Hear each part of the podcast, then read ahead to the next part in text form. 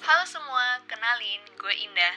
Gue lahir di Palembang, kampungnya di Banyuwangi, tapi dari kecil sampai detik ini, gue tinggal di Denpasar. Selamat datang di Katanya Podcast. Di podcast ini, gue akan mengisinya dengan cerita-cerita random yang sayang banget kalau enggak gue bahas.